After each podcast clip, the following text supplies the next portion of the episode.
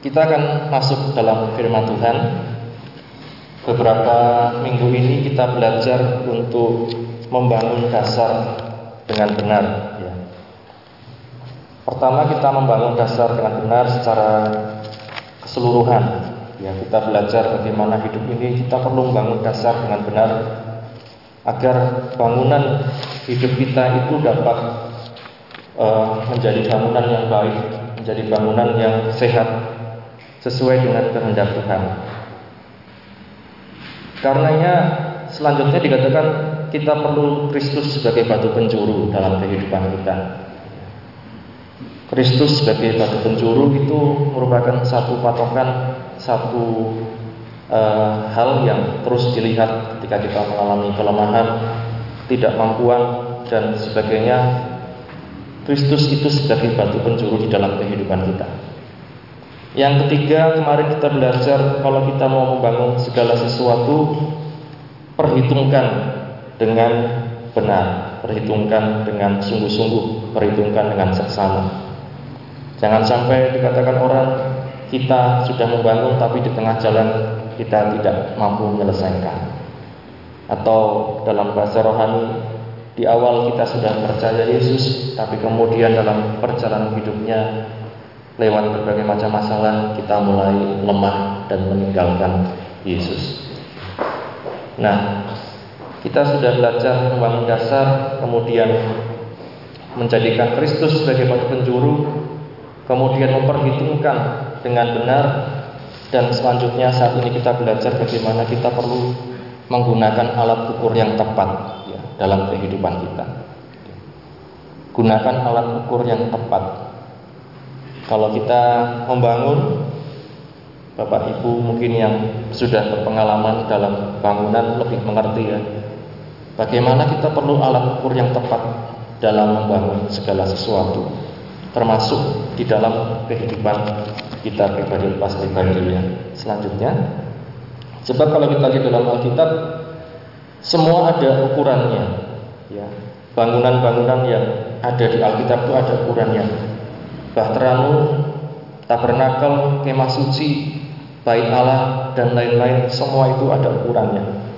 Tidak bisa kita bangun dengan semua kita dengan ukuran kita sendiri dengan uh, apa yang kita pikir baik ya tidak bisa semuanya bahkan ya kita melihat Nuh diperintahkan Tuhan untuk membangun bukan hanya membangun tapi dikatakan sekian hasta sekian hasta Kemah suci dikatakan dibangun juga dikatakan ada ruang-ruangnya.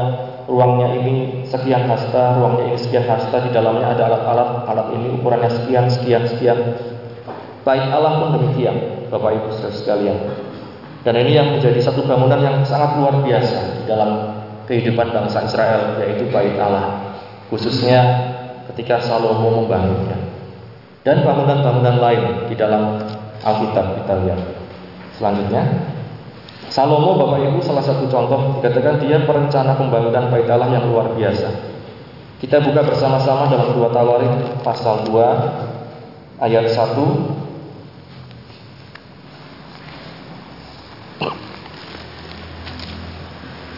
Dua Tawarik pasal 2 ayat 1 akan saya bacakan. Dua Tawarik 2 ayat 1 dan seterusnya. Perikopnya dikatakan persiapan-persiapan mendirikan bait suci. Salomo memerintahkan untuk mendirikan suatu rumah bagi nama Tuhan dan suatu istana kerajaan bagi dirinya sendiri. Dan Salomo mengerahkan 70 ribu kuli, 80, 80 ribu tukang pahat di pegunungan, dan 3.600 mandur untuk mengawasi mereka itu. Lalu Salomo mengutus orang kepada Huram, Raja Negeri Tirus dengan pesan, Perbuatlah terhadap aku seperti yang kau perbuat terhadap ayahku Daud ketika engkau mengirim kayu aras kepadanya sehingga ia dapat mendirikan baginya suatu istana untuk tinggal di situ. Ketahuilah aku hendak mendirikan sebuah rumah bagi nama Tuhan Allahku untuk menguduskannya bagi dia supaya di hadapannya dibakar ukupan dari wangi-wangian tetap diatur roti sajian dan dipersembahkan korban bakaran pada waktu pagi dan pada waktu petang pada hari-hari sabat dan bulan-bulan baru dan pada perayaan-perayaan yang ditetapkan Tuhan. Allah kami, sebab semuanya itu adalah kewajiban orang Israel untuk selama-lamanya.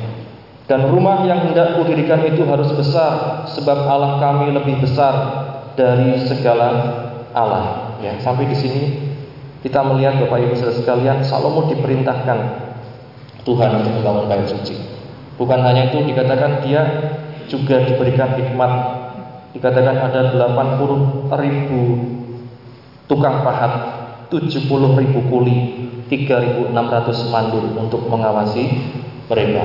Ya, kalau dibayangkan dengan biaya sekarang, Bapak Ibu, satu tukang per hari berapa ya? Mungkin Bapak Ibu lebih tahu.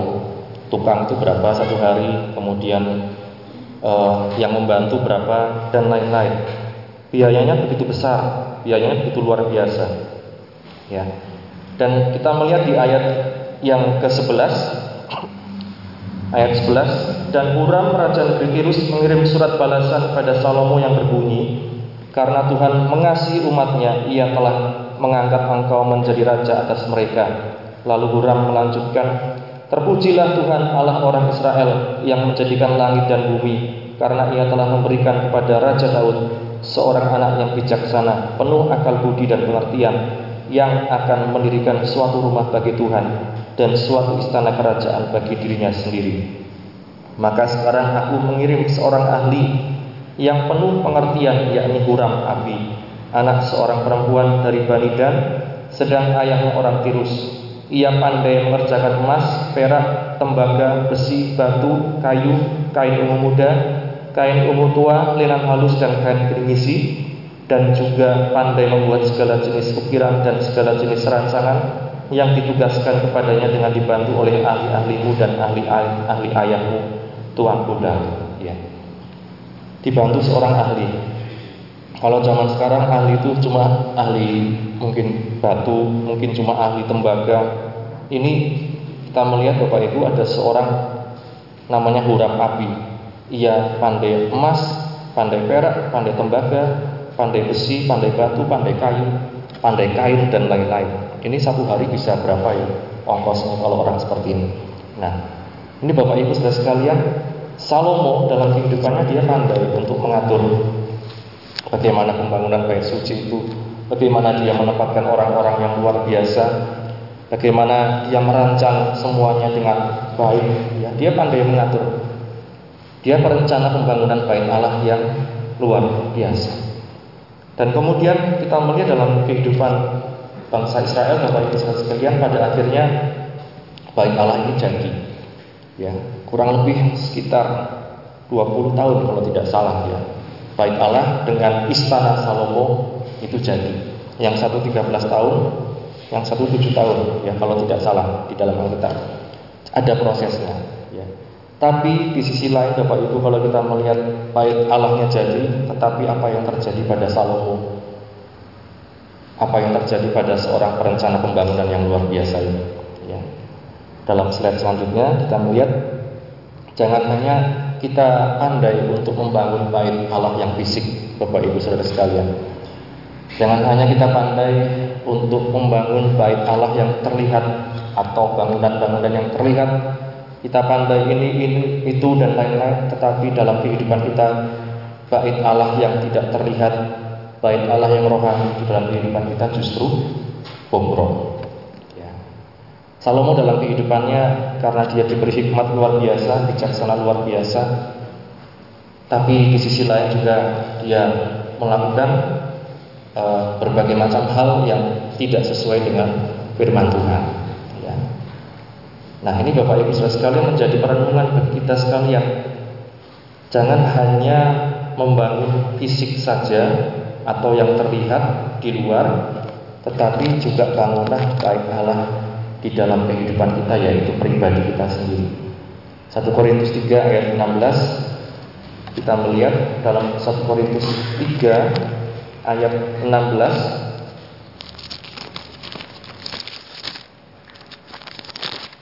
dikatakan firman Tuhan tidak tahukah kamu bahwa kamu adalah bait Allah dan bahwa roh Allah diam di dalam kamu? Ya. Tidak tahukah kamu bahwa kamu adalah baik Allah dan roh Allah diam di dalam kamu? Kalau Salomo tadi dia gunakan berbagai macam ukuran yang luar biasa ya. Bahkan dipakai Tuhan seorang namanya Huram Api, dia bisa ahli berbagai macam hal. Mulai dari yang logam, kain, batu dan lain-lain. Dan banyak pasti ada ukuran-ukuran ya kalau batu dipahat, kalau emas kemudian juga ditatah dan lain-lain ada ukuran-ukurannya. Bagaimana dengan kehidupan bait Allah kita secara pribadi. Ukurannya apa, Bapak Ibu Saudara sekalian? Kalau kita lihat dalam slide selanjutnya, apa yang menjadi ukuran bait Allah atau pribadi kita secara ya, secara pribadi dikatakan firman Tuhan itu alat ukurnya. Tidak bisa yang lain ya, tetapi firman Tuhan itu yang menjadi alat ukur dalam kehidupan kita. Kita melihat 2 Timotius pasal 3 ayat yang ke-16 sampai ayat 15 sampai 17. 2 Timotius 3 ayat 15 sampai 17.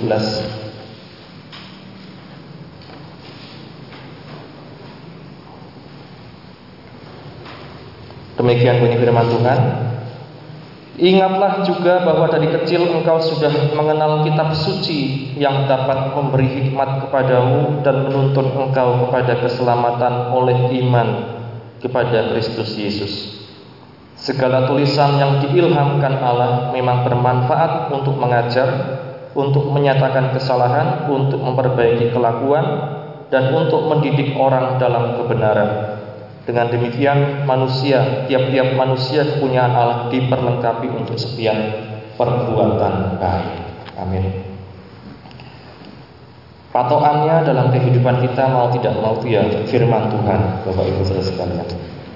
Yang bermanfaat untuk apa dikatakan mengajar, menyatakan kesalahan, memperbaiki kelakuan dan mendidik orang di dalam kebenaran. Ini firman Tuhan, tidak bisa yang lain. Ya. Kita pakai ukuran dunia ini, Bapak Ibu, kita tidak akan pernah puas. Ya.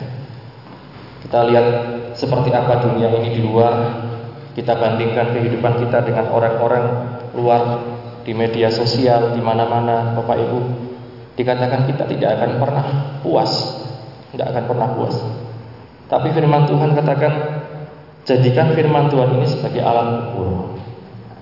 Jadikan firman Tuhan ini sebagai alat ukur. Kalau enggak, Bapak Ibu, kita akan menjadi pribadi yang tidak pernah puas, tidak pernah bersyukur dalam kehidupan kita. Diajar, kemudian apa dikatakan? Dinyatakan kesalahan. Kalau ada kesalahan yang menyatakan itu firman Tuhan. Kalau kita ada hubungan pribadi dengan Tuhan, kita baca firman Tuhan, ada satu kesalahan dinyatakan pas. Karena apa dikatakan firman Tuhan itu diilhamkan Allah.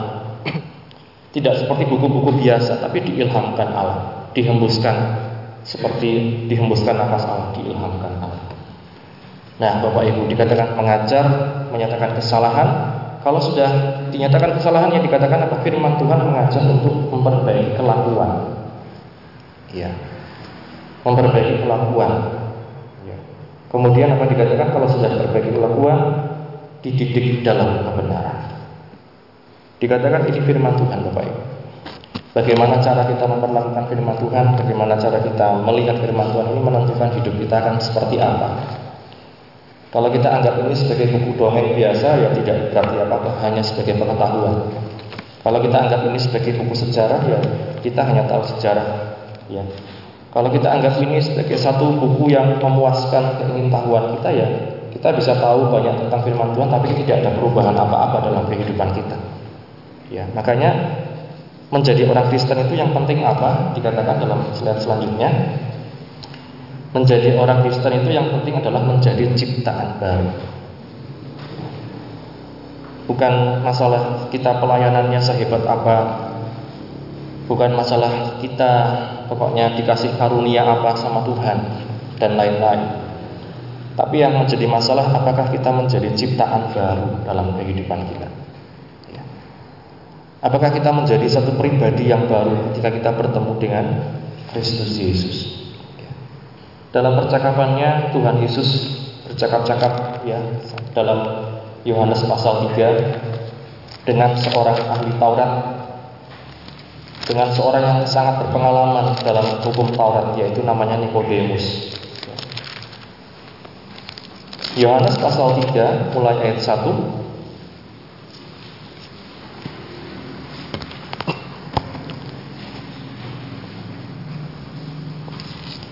Yohanes pasal 3 mulai ayat 1 adalah seorang Farisi yang bernama Nikodemus, seorang pemimpin agama Yahudi. Ia datang pada waktu malam kepada Yesus dan berkata, "Rabi, kami tahu bahwa engkau datang sebagai guru yang diutus Allah. Sebab tidak ada seorang pun yang dapat mengadakan tanda-tanda yang engkau adakan itu, jika Allah tidak menyertainya." Yesus menjawab katanya, Aku berkata kepadamu, sesungguhnya jika seorang tidak dilahirkan kembali, ia tidak dapat melihat kerajaan Allah. Kalau seorang tidak dilahirkan kembali, ia tidak dapat melihat kerajaan Allah. Seringkali orang berpikir kalau sudah pelayanan sudah lahir baru, sudah pelayanan ya sudah percaya Yesus, sudah mungkin dibaptis air, dibaptis kemudian Roh Kudus dan lain-lain, kemudian sudah lahir baru, sudah ciptaan baru. Tapi Bapak Ibu Saudara sekalian, sering kali kita melihat juga dalam kehidupan orang-orang Kristen dalam kehidupan umat Tuhan, ya. Apakah ada satu perubahan hidup? Ini yang sangat penting dalam kehidupan kita. Jangan sampai kita pulang balik pelayanan tapi tidak ada perubahan dalam hidup kita. Yang membantah orang tua masih membantah orang tua. Yang tidak taat sama gurunya misalnya masih suka tidak taat sama gurunya dan lain-lain. Kita sudah mungkin pelayanan kita sudah mungkin ikut Tuhan kita sudah mungkin setia beribadah tetapi tidak ada satu perubahan. Ya yang namanya ciptaan baru. New creation ya ciptaan baru adakah ciptaan baru itu dalam kehidupan kita pribadi bebas pribadi Jangan sampai dikatakan kita tidak bisa melihat kerajaan Allah karena tidak dilahirkan kembali. Firman Tuhan katakan kerajaan Allah bukan makanan dan minum, minuman, tetapi tentang apa? Damai sejahtera, kebenaran dan sukacita oleh Roh Kudus. Dalam hidup kita adakah damai sejahtera, sukacita dan kebenaran? Ya. Sehingga dalam hidup kita dikatakan kita bisa melihat Tuhan dalam setiap kejadian yang kita alami dalam hidup kita ciptaan yang baru. 2 Korintus pasal 5 ayat 17, ayat 16 dan 17. 2 Korintus pasal 5 ayat 16 dan 17.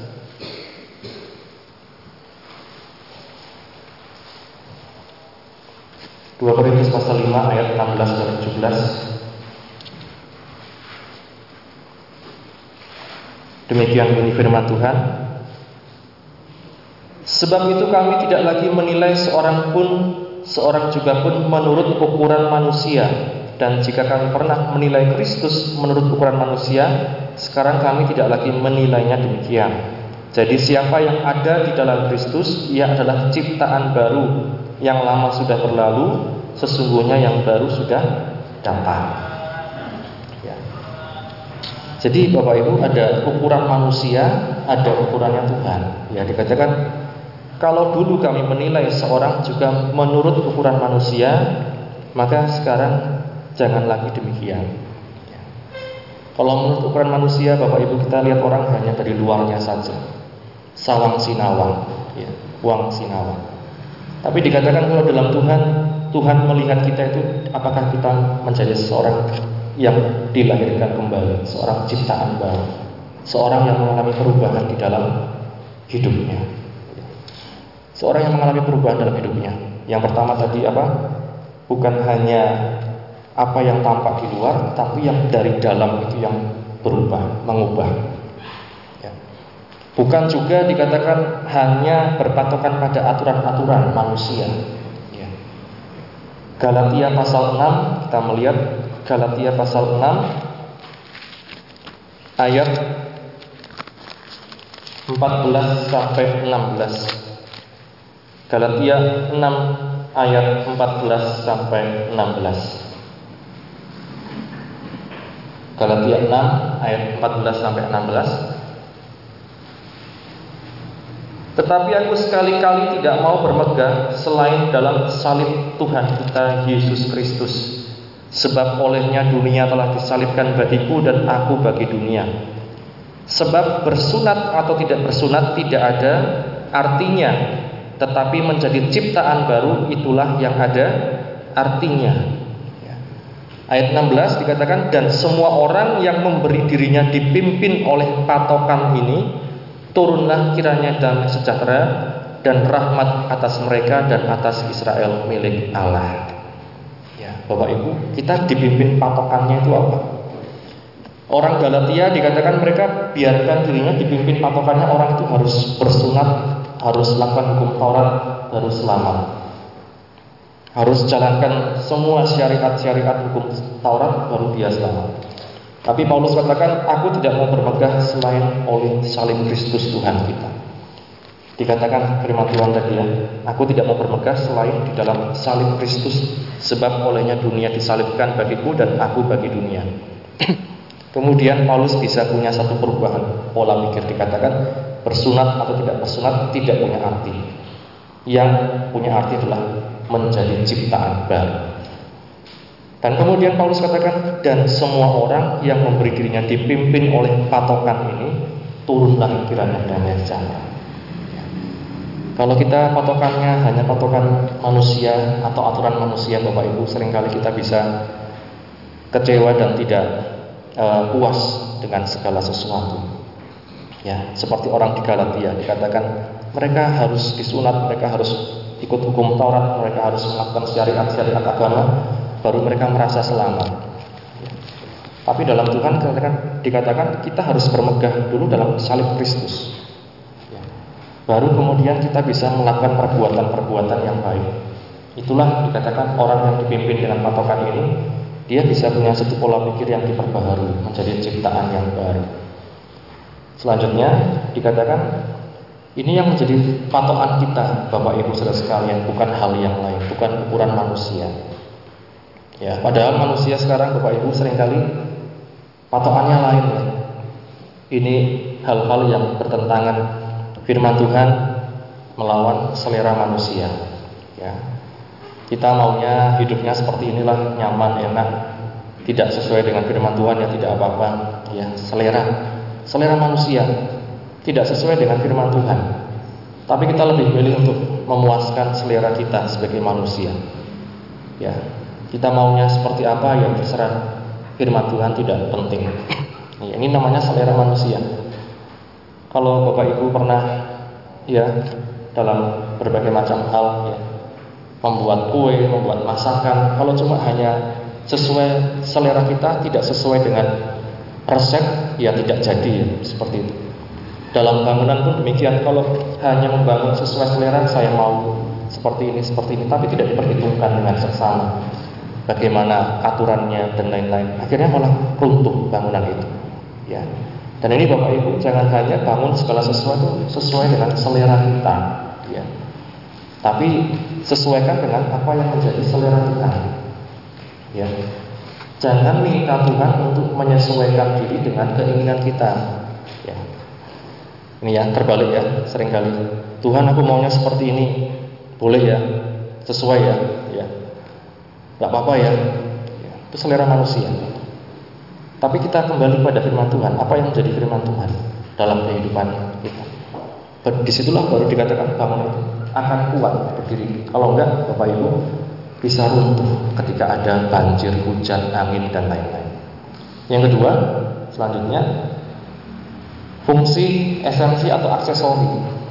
Ya, kita punya HP, aksesorinya bagus, aksesorinya mantap, tapi tidak bisa buat teleponan, tidak bisa buat WA dan lain-lain. Ya, ibaratnya hanya sebatas aksesori.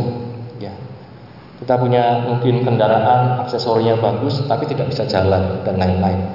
Hanya luarnya saja, aksesori, aksesoris. Ya.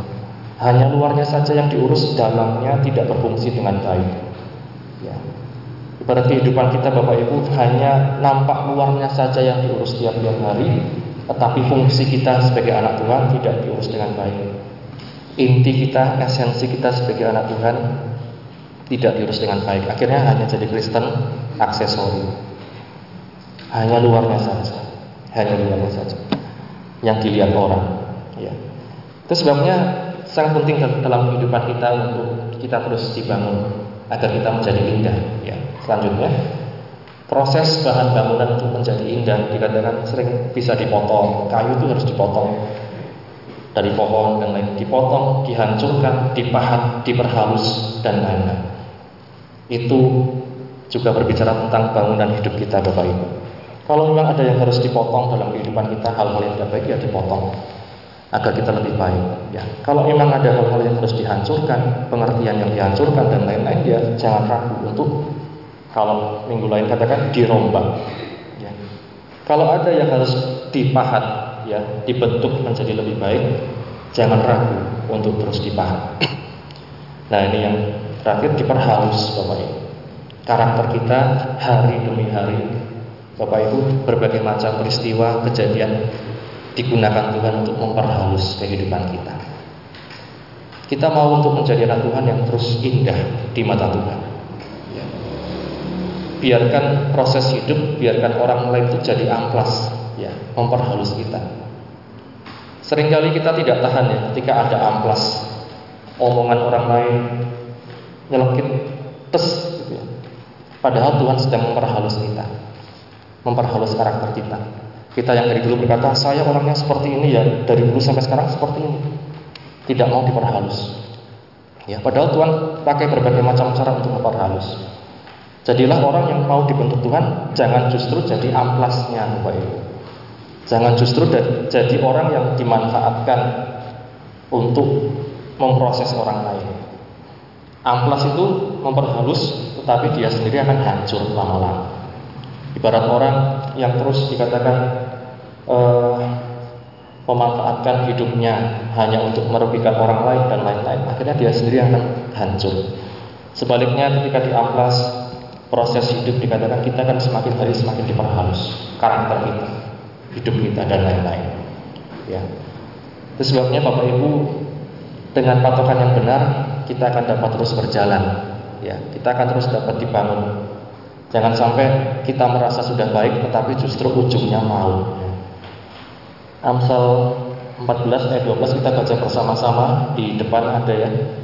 Amsal 14 ayat 12 1 2 3 ada jalan yang disangka orang lurus tetapi ujungnya menuju maut. Ya, ada jalan yang disangka orang lurus. Sekarang mungkin kita rasa hidup kita lurus-lurus saja, ah, santai, hidup kita gini enak. Tapi sedikit saja miring Bapak Ibu kalau ditarik garis lurus itu sangat berbahaya, sangat miring. Ya. Ada jalan yang disangka orang lurus tetapi ujungnya menuju mau. Intinya apa kalau dalam firman Tuhan dikatakan hidup ini jangan terlalu apa ya kalau saya katakan dulu adigang adikung adikunung terlalu pede ibaratnya jalanku seperti ini ya pokoknya seperti ini ya Jangan sampai justru kita sangat lurus tapi ujungnya maut.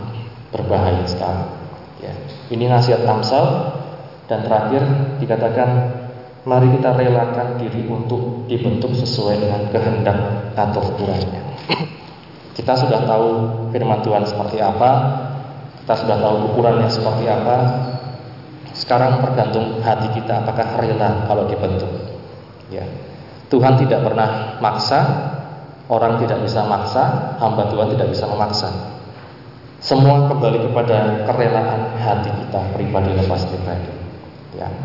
Apakah kita mau dibentuk sesuai kehendak Tuhan atau kita mau dibentuk hanya sesuai dengan keinginan kita pribadi lepas pribadi? Mungkin ada orang yang berkata, kan yang menyelamatkan adalah kasih karunia Allah.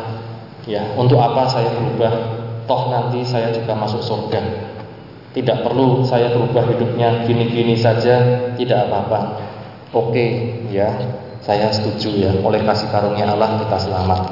Tapi Bapak Ibu saudara sekalian, selama perjalanan hidup kita sampai nanti dipanggil Tuhan, kalau kita tidak mau berubah, berapa banyak orang yang disakiti oleh karena karakter hidup kita. Berapa banyak orang yang tadinya mau kenal Tuhan akhirnya tidak jadi kenal Tuhan karena kita tidak berubah. Hanya karena kita punya prinsip saya pokoknya seperti ini. Yang penting saya selamat, yang penting kasih karunia Allah menyelamatkan saya. Itu mungkin benar, tetapi di sisi lain selama kita hidup Berapa banyak orang yang diberkati, ingin mengenal Tuhan, ingin lebih lagi dalam kepada Tuhan dibandingkan sebelum. Hiduplah sesuai dengan kehendak Tuhan, dengan pertolongan yang daripada Roh Kudus, dan kiranya Roh Kudus membuka kita untuk terus hidup sesuai dengan firman-Nya. Amin. Sama-sama kita bangkit berdiri Bapak Ibu.